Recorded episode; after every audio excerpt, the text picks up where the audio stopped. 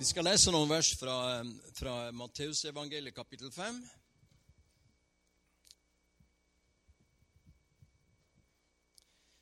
Og eh, kan ta lese vers 14.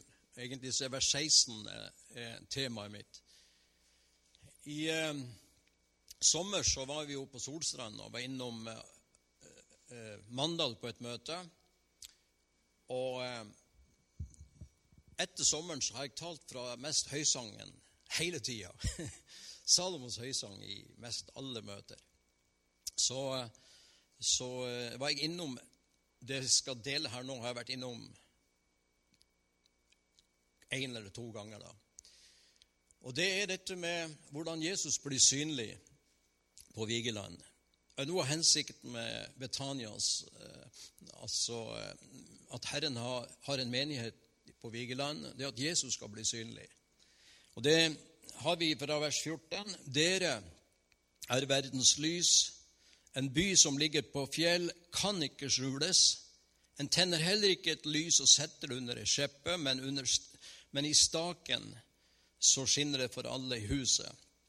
La således deres lys skinne for menneskene, for at de kan se deres gode gjerninger og prise deres Far i himmelen. Vers 16, første del. La således deres lys skinne for menneskene. Det er tema i formiddag, og jeg vil ta med tre områder hvordan dette lyset kan stråle og skinne ut fra oss. Det er viktig at vi eh, eh, har litt oversikt over Guds ord. Og Bibelen har mange såkalte eh, Gammeltestamenter fullt av bilder og, som, som hebreere kaller skygger og bilder av, av, av Kristus, eller av kommende goder, står det.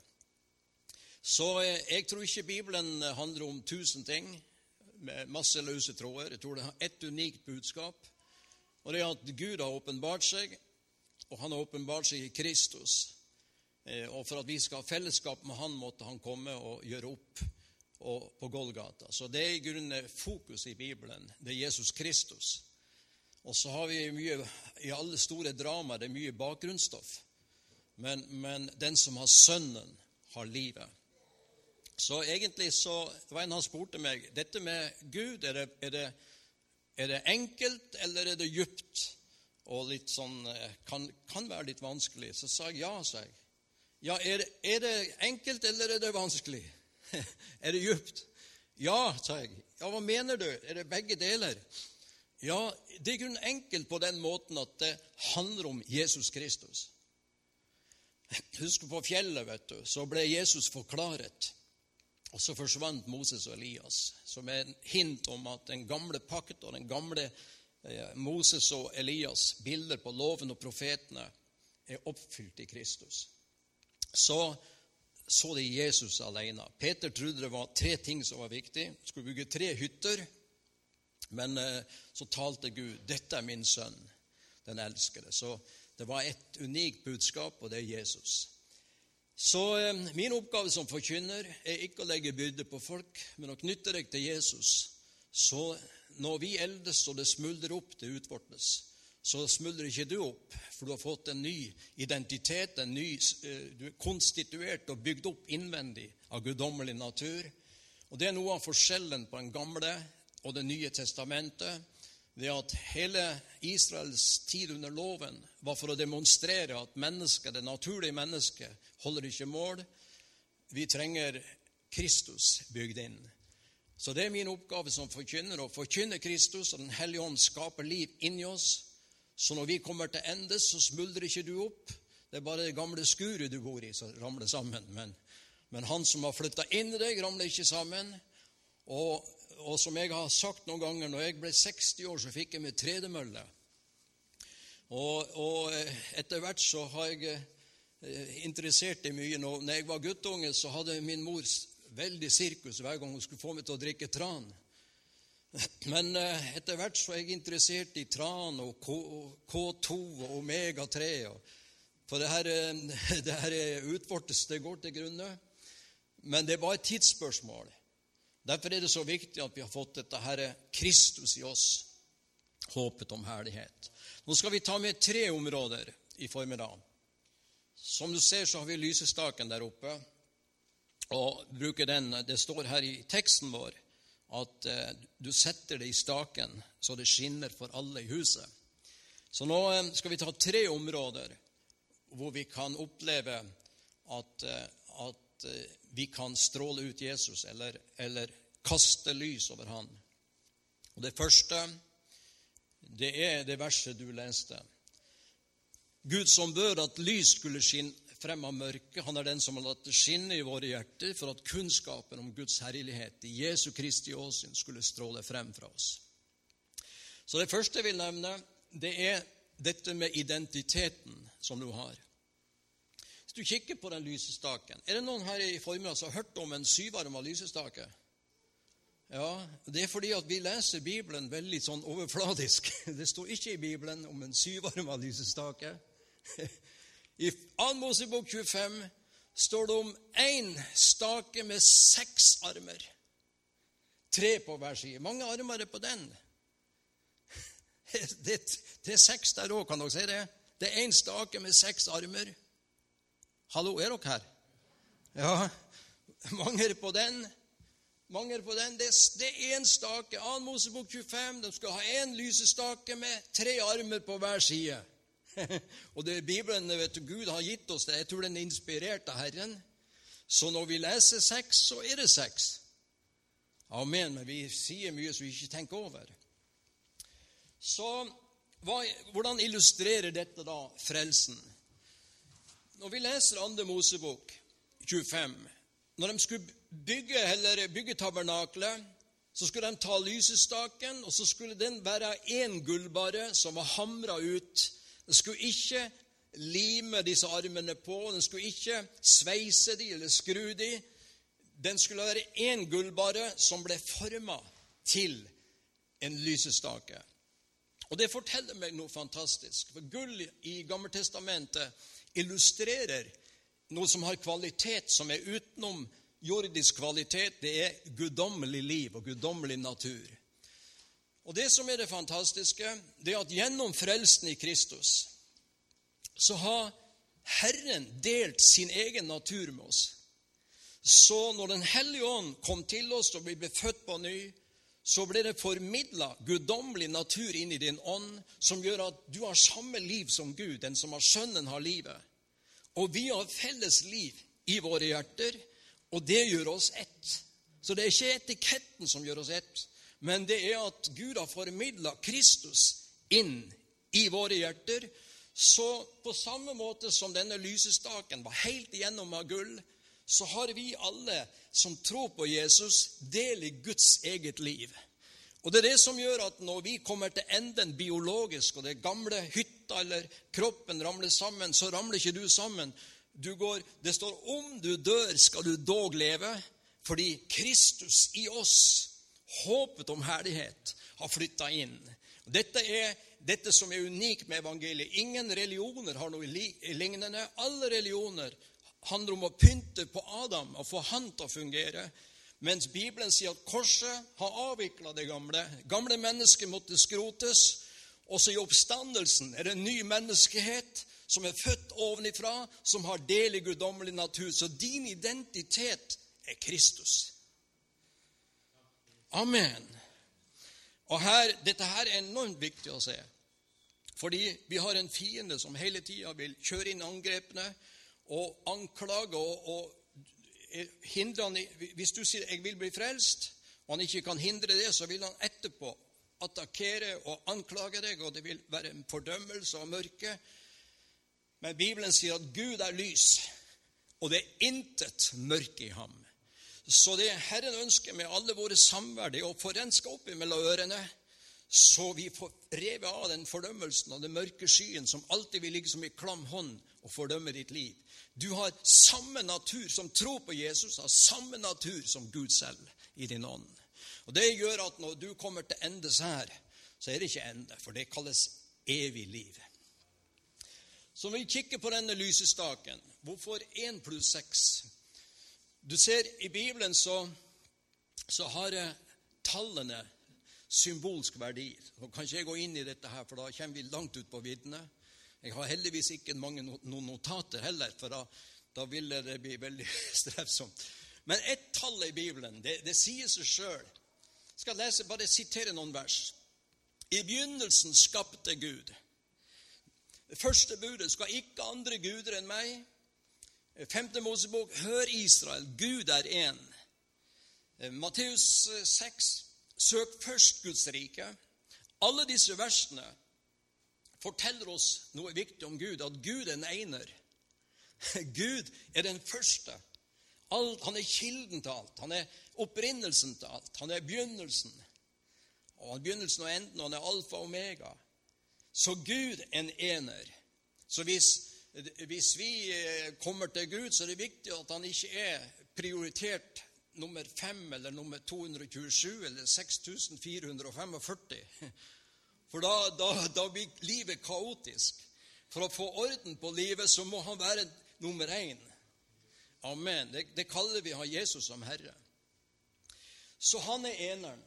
Men sekstallet i bibelsk forstand så var sekstallet menneskets tallet skapt på den sjette dag, skulle arbeide i seks dager, og så kom synden inn.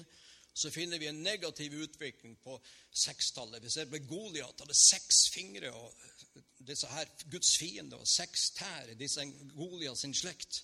Og så finner vi i åpenbaringen 666. Menneskets tall negativt. Så hva er det da eh, dette her betyr? Jo, det betyr at eh, når han, den ene, kommer inn i våre liv og løfter oss ut av Adam, så vi blir lemmer på han. Du kan jo se hvor det ligner på det sanne vintreet. Det som er tre med liv. Så løftes du ut av fallet, og én pluss sju, én pluss seks, er fullkommenhetens tall syv. Så du som var fallent menneske, er blitt gjort til ett med Gud gjennom at du er oppreist med Han og får del i guddommelig natur og det kaller Gud perfekt. Halleluja. Så i Guds øyne, når vi snakker om den nye pakt, så snakker jeg om at på tronen sitter Kristus som, som eh, mellommann for en ny pakt. Og det som er evangeliets fantastiske budskap, det er at alt han har gjort, og alt han er, er Guds gave til oss som tror på han.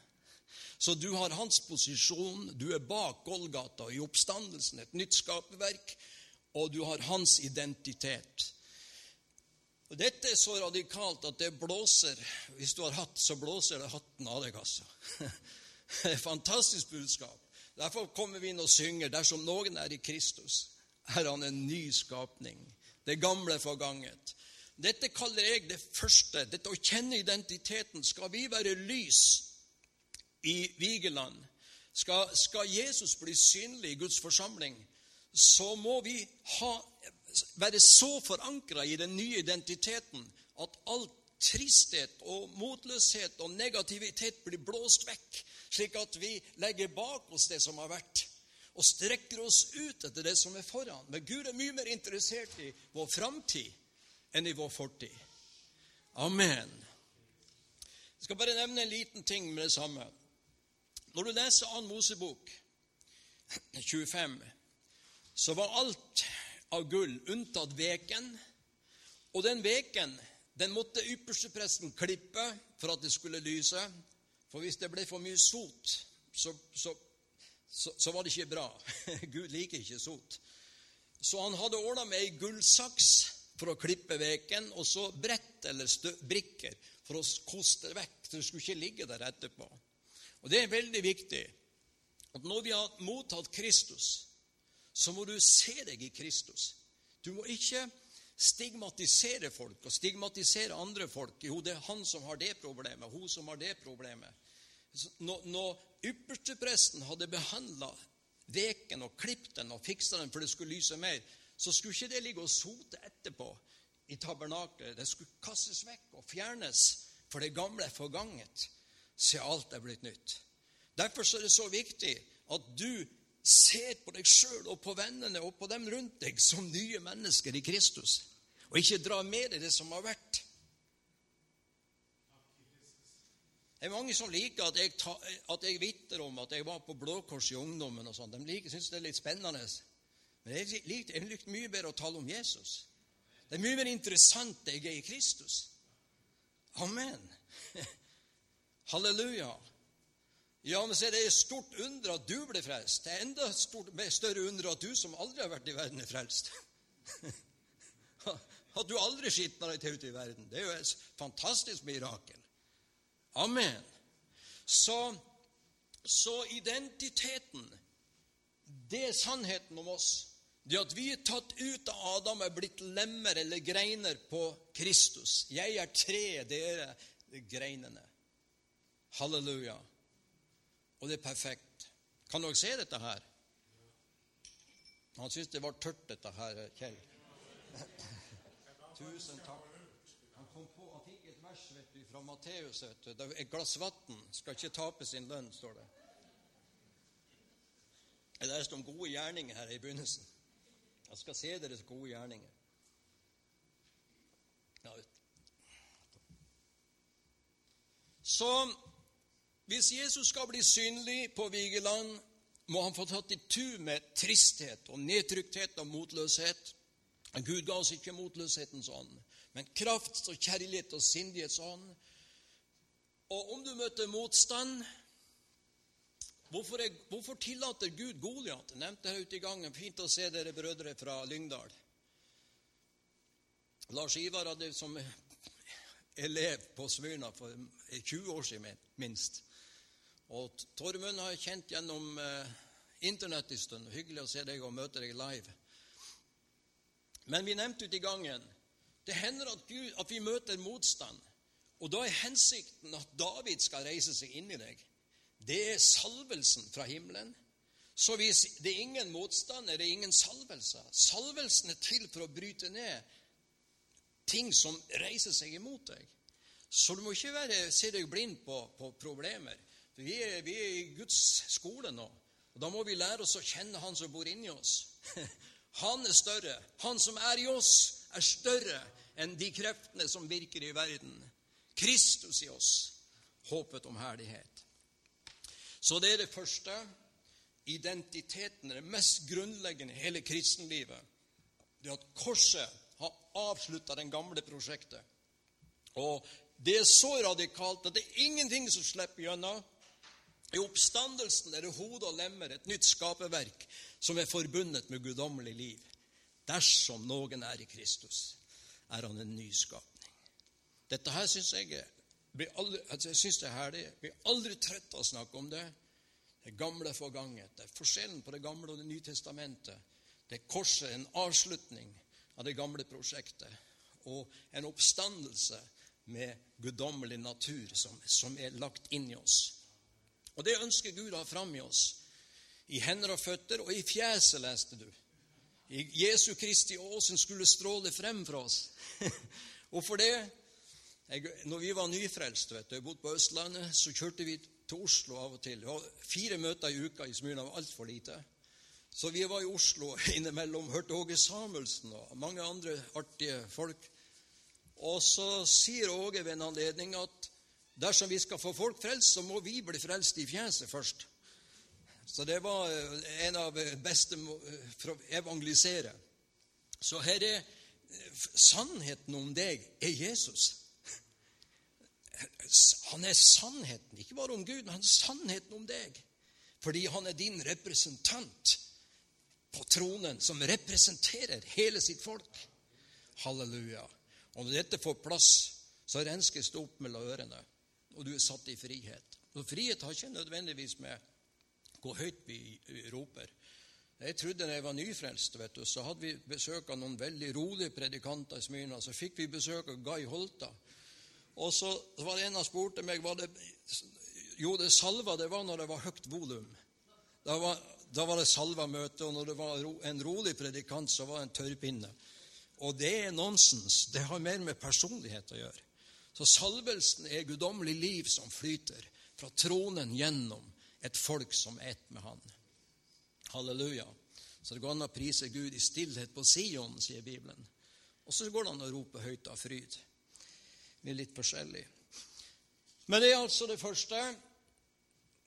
Hvis vi skal lyse ut Jesus, så er det viktig at vi er løfta ut av Adam og ser hva som gikk, skjedde på Golgata. I et nytt skaperverk. I Filipperne kapittel 2 tales det om å lyse på en annen måte. Vers 14. Der står det 'gjør alt uten knurr og tvil'. Jeg leser fra, jeg vet ikke om det står sånn i din, men jeg leser 1930-oversettelsen. Det var jo eh, når jeg ble frelst, så var det bare én oversettelse. Det var veldig greit. Og når det kom etter hvert stadig nye oversettelser, så ble det litt Noen ble frustrert. Jeg husker jeg hørte om ei hun, trodde hun var fra Finnmark. Hun var intervjua på radioen når den nye oversettelsen kom. Hun var skikk, Jeg tror hun var læstadianer. Hun var skikkelig eh, opp, var i opprør. altså. Når, når Paulus kunne ha 1930, så var det godt nok for hun òg. Så det er festlig. Men eh, det skulle si gjør alt uten knurr og tvil, for at dere kan være ustraffelige og rene, Guds ulastelige barn midt iblant en vannartet og vrang slekt. Iblant dere viser dere som lys i verden. Altså Her tales det om å vise seg som lys i verden i det dere holder fram livets ord. Og Det handler om at Guds ord, altså Guds ords plass i virksomheten. Så det er viktig at vi lyser gjennom forståelse av frelsen, men det er også viktig å holde fram livets ord i forsamlingene og i, på Vigeland, og at evangeliet Vi kan kalle det evangeliet, livets ord. Du ser, Det er ikke nødvendigvis Bibelen, for Bibelen har jo en svær del som er under loven. Så vi er ikke kalt til å forkynne loven.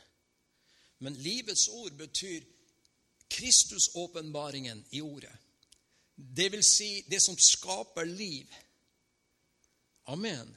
Så de første gikk ut og forkynte Kristus.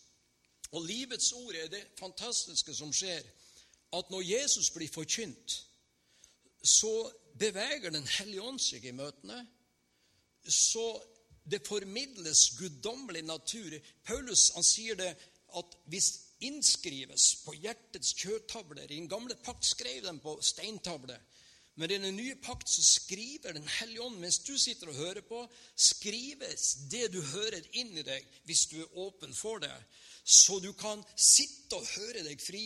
Og er det sterk åpenbaring, trenger du ikke engang forbønn. Da kan du komme inn i møtet som trell og gå ut som konge. Amen. Fordi at her er en guddommelig formidling, en innskrivelse på hjertets kjøttavler så står det ved den levende Guds ånd, livets ord. Altså du, du får liv under hørelsen. Så det går an å sitte. Du kan, du kan være frustrert, og du kan være fordømt av fienden du, etter deg og anklager deg, så kan du få høre evangeliet på en sånn måte at du bare det ramler av deg, det rives av deg, den der mørke frakken og skyen, og så kjenner du nå er jeg glad og salig når du går ut. Nå kan jeg ånde fritt. Priset være Herren. Så, så den der lysestaken illustrerer også Guds ord. Hans ord er en lampe for min fot, en lys for min sti og en lampe for min fot. På hvilken måte? Det er jo mange måter å illustrere. Nå skal ikke være så veldig djup her nå. Men hvis dere kikker på denne lysestaken, så er det Hadde vi gått i Ann Mosebok 25 nå, så har vi sett at eh, på hver arm så er det tre sånne dere ser de tre her. Og hver av de tre består av beger, knopper og blomster. Så det er ni bestanddeler på hver arm. Mens den midterste har du fire, dvs. Si tolv bestanddeler. Og Det er en interessant tanke at når vi ser på Gammeltestamentet, så munner det ut i den siste profetien i Gammeltestamentet Husker dere Malakia 4? Så står det dagen kommer brennende som en ovn. Alt i jødedommen skulle opp i røyk. Men for dere som frykter mitt navn, skal rettferdighetens sol gå opp med legedom. Det er en profeti om Messias, det sanne lys, som du nevnte, som opplyser hvert menneske, var i ferd med å komme til verden. Så hvis du kikker nå 9 pluss 9 pluss 9 er 27, pluss 12 der har du altså 27 pluss 12. Det er 39 bøker i Det gamle testamentet. Og så er det 9 pluss 9 pluss 9. 27 er det nye som springer ut fra han. Amen.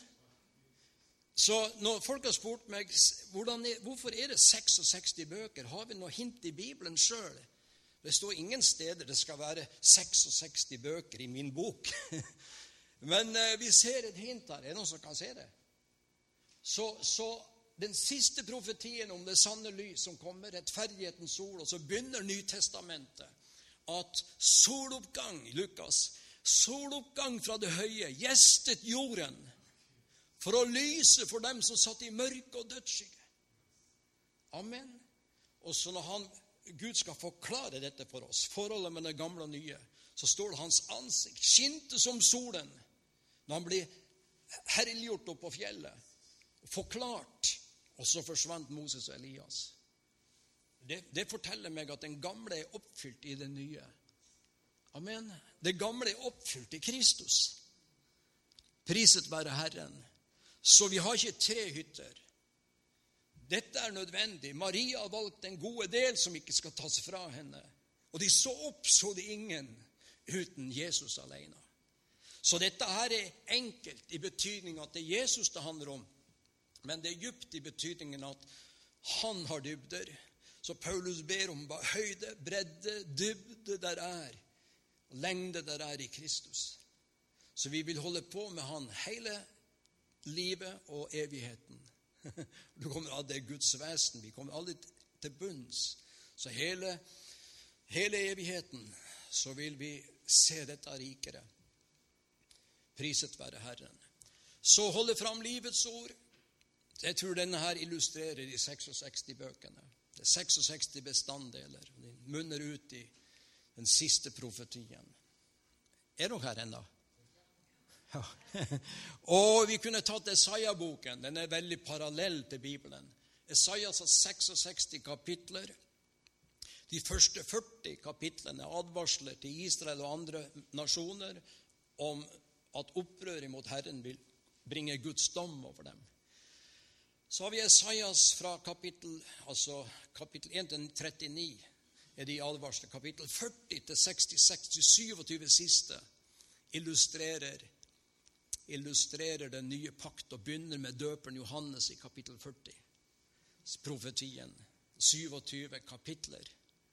Og alle teologer jeg har, og, og, og sier at, at disse altså Isaiah-boken er delt i disse første 39 kapitler med advarsler og dom, og de siste 27, 40-66 trøsteboken, profetier om Messias som skal ordne opp.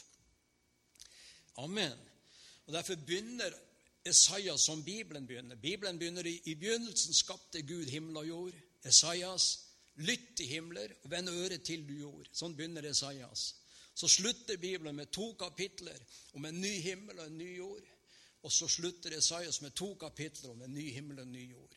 En parallell. Så jeg, jeg, jeg tror livets ord betyr å forkynne Kristuslivet så vi blir levende. Halleluja. Fra Skriften, fra det levende Guds ord. Så det går an å forkynne Gammeltestamentet på en feil måte. Jeg forkynner, som jeg sa, høysangen i lys av det nye. Forkynner tabernakelet i lys av at han er kommet. At det gamle allerede er satt til side. Så jeg kan til og med forkynne loven. Og forkynne Kristus ut fra loven. Husker dere hva det står i siste kapittel i apostelgjerningene? Når Paulus samla jødene i Rom så han utla for dem og forkynte Kristus fra Mose lov, står det. og Det er jo helt fantastisk. Han forkynte Kristus ut fra Mose lov. For det er om meg Moses hadde talt. Så vi kan vinkle det og se Kristus i alle skriftene. Amen. Så Bibelen er en overnaturlig bok. Jeg tror den er kommet for Den hellige ånd til oss mennesker. Inspirert. Så det er viktig at evangeliet blir forkynt på Vigeland gjennom Betania. Vi har mye interessant, aktiviteter, men det som er den nerven, må være at evangeliet skal nå ut. Ja. Så vi kan bruke mange virkemidler for å nå ut, men det er evangeliet som er det unike med oss. Vi er de eneste som har løsningen bak død og grav. Hva skjer der? Og det, vi, vi, behøver ikke være verdens beste, for vi er mindretall. Så vi blir antagelig ikke verdens beste sangere og, og, og, og musikere. Det, det, kan hende innimellom at det er slump. Men det som er det unike, det må vi bli veldig gode på. Det som er, vi er de eneste som har, det er oppstandelsen. Et nytt skaperverk. At vi inntar det og skjønner hvem vi er. Vi griper hvem er vi egentlig. Jeg holdt på å forkynte i to år før jeg skjønte dette her. Jeg trodde jeg var nordlending i to år. Som ny forkynner sa Herren, nå må du gi deg, sa Herren. Må du begynne å se dersom noen er i Kristus, er han et nytt skaperverk. Halleluja. Så jeg, jeg kommer ovenifra. Amen. Hvor kommer du fra? Jeg kommer ovenifra. Født ovenifra med Den hellige ånd. Amen. Og det siste. Så det er viktig å, å innta våre vår identitet, og det er viktig å holde fram evangeliet. Og det siste var teksten vår, så de kan se deres gode gjerninger. Og Det ser vi i, i det siste boka i Bibelen, åpenbaringen, som munner ut i at ikke én lysestake, men syv lysestaker. Så menigheten, menighetene nå, de lokale menighetene er nå lysestaken. Og da taler han til den første om at de hadde forlatt sin første kjærlighet og måtte vende om og gjøre de første gjerninger. Gode gjerninger. Vi er så redd for at det skal være lovgjerninger, så vi har problemer i de frie forsamlingene nesten med å forkynne gode gjerninger. Men Bibelen er veldig sterk på gode gjerninger må være med for å vise hvem Jesus er, så de kan se deres gode gjerninger og prise deres far i himmelen. Så Gud ønsker at Betania skal være rikt. Titus brev har det som tema. Hvert eneste kapittel står det om et folk nidkjært til gode gjerninger. Så hvorfor er vi så redd for det? Jo, vi er så redd fordi, fordi vi har så mye religiøsitet, og folk tror på egenrettferdigheten rundt oss på alle kanter. Men, men det er viktig å plassere gjerningene riktig. Og det som er forskjellen på religion og kristendom, det er at i religionene så er gjerningene i grunnlaget for at Gud skal godtas mennesker. Så må du ha en viss F.eks. i Thailand, hvor vi bor, Gunn og jeg, så, så, så har vi en nabo, ei thaidame, hyggelig dame, som er hos veldig ofte hos oss. Og så spør jeg Nuan, eh, du, hun er buddhist. Hvordan går dette her til slutt? Jo, det går opp eller ned, sa hun. Så de har en viss eh, forståelse. Religionene har det med, ser du. Ja, hvordan vet du om det går opp til altså himmelen eller det går ned? Ja, det er som i vektskål, sa hun. Hvis, hvis, de gode gjerningene veier mer enn de dårlige, så, så ender det positivt. Men så spør du da ja, hvordan, hvordan, vet du når du har gjort nok? Nei, det var helt umulig å vite. Så det er ingen visshet. Det er bare forhåpninger, kanskje, muligens. I, I, Bibelen så er også gode gjerninger med, men alltid som en frukt at du er frelst. Så det er aldri gjerningene i grunnlaget, men det står om ferdiglagte gjerninger. Et folk nidkjærte gode gjerninger. Så frelsen er bygd på hans gjerning, og han har gjort på Golgata, og det han tjener som yppersteprest ved Faderens høyre hånd. Så gode gjerninger frelser oss ikke i den forstand. De er en frukt. Vi kan godt si at frelse er hva Jesus har gjort for deg, og det kristne livet med gode gjerninger er hva Jesus gjør gjennom deg etterpå. Men det er han som gjør det alt sammen. Det er Kristus hele veien. Et lite eksempel. I den menigheten som vi går for en par år siden så um, Det er jo internasjonal menighet. Og uh, der var det en, en svensk uh, som var en av uh, drivkreftene i slumarbeidet.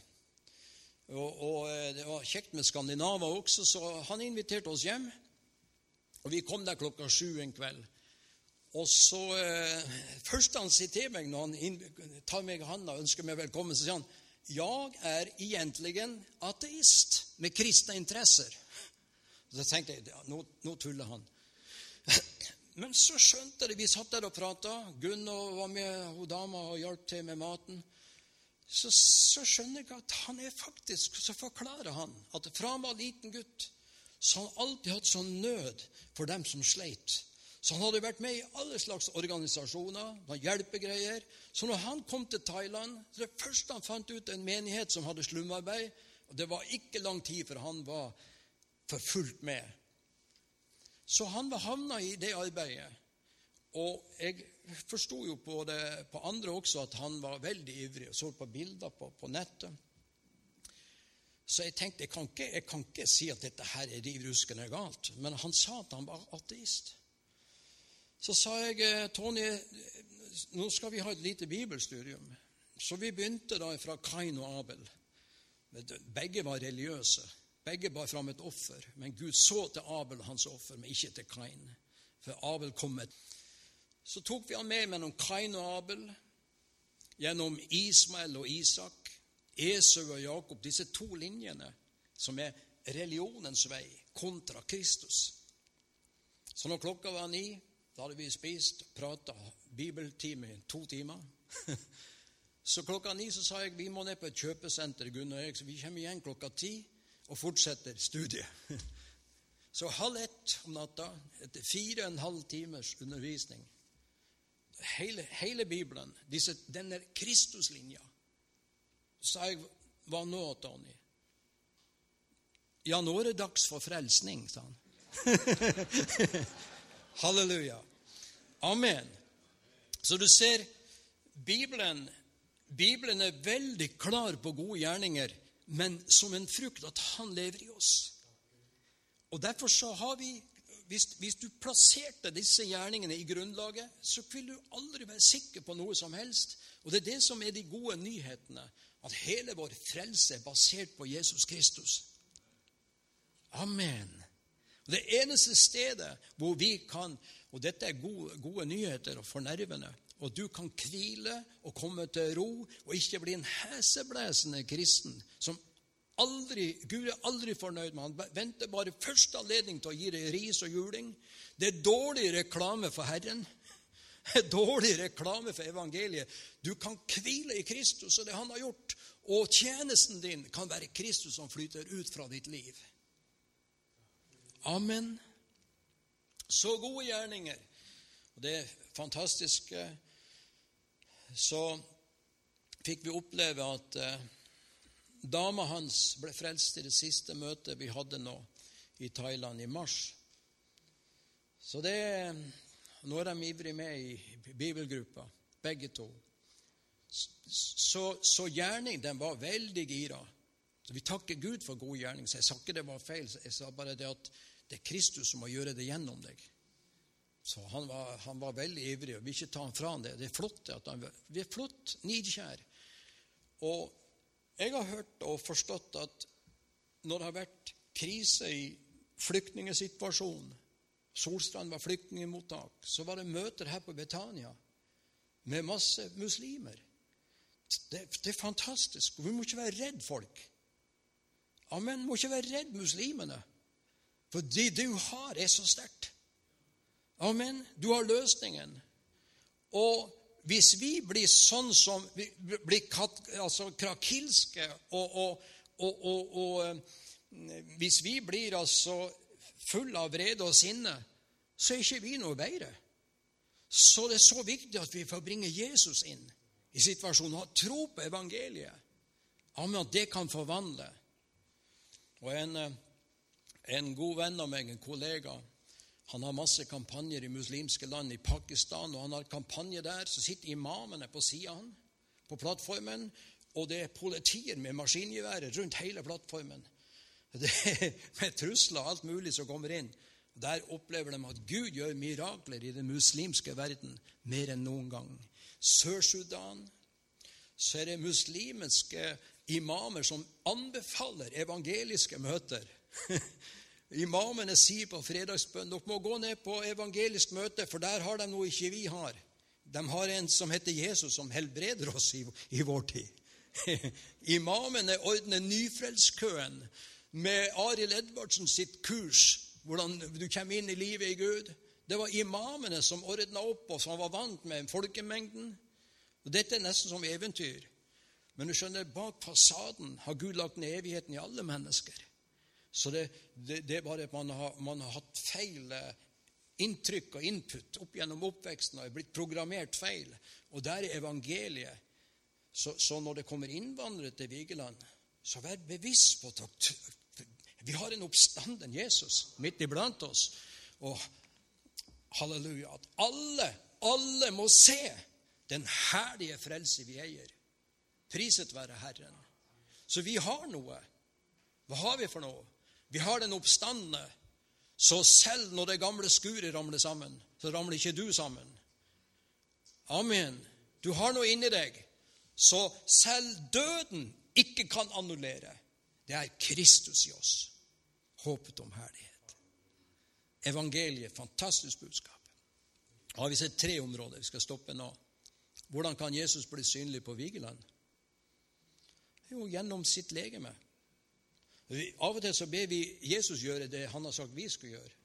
Du, du ser herre, han sliter nå, må du gå og besøke han. herre, du må gå på puben og vitne. det var han som sendte oss ut. Men du må være bevisst på hvem du er. Så gjennom foreningen med Kristus Det er ingen avstand mellom det du har inni deg, og himmelen. Halleluja. For det andre, tro på evangeliet. Forkynn evangeliet, livets ord. Og for det tredje, vær ivrig på gode gjerninger. Ikke for å bli frelst, men fordi vi er frelst, og alle kan se at vi er frelst.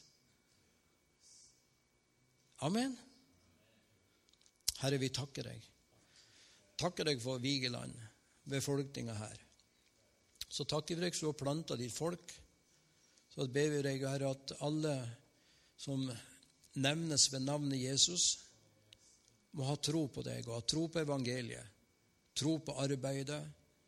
Og Herre, takk at du lar det vokse opp både unge og eldre til å kjenne deg her i Betania. Vi ber spesielt, ikke minst for barn og unge, at de må kjenne deg, og at vi kan kjenne deg kraften av din oppstandelse og samfunnet med dine lidelser, at vi tåler en støyt, Herre. Far i Jesu navn. Takk skal du ha, så at vi kan la lyset skinne for menneskene, så de kan se. Jesus, det ber vi deg om. Takk at du fjerner tristhet. Fjerner all fordømmelse her nå, så vi er friske og nye på innsida. Vi ser framover, ikke bakover. Og nå fjerner du alle anklager, Herre. Takk at du lar alle her være forsona og forlikt med deg og med lemmene dine og alle andre lemmene, Herre. Takk skal du ha, Jesus. Takk for det herlige å være frelst. Takker deg for denne boka som har et helt annet budskap enn alle religionene holder på å pynte på Adam. Men du sa Adam måtte kasseres. Så måtte han bli reist opp som et nytt menneske i Kristus. Og det takker vi deg for, Herre. Amen. Amen.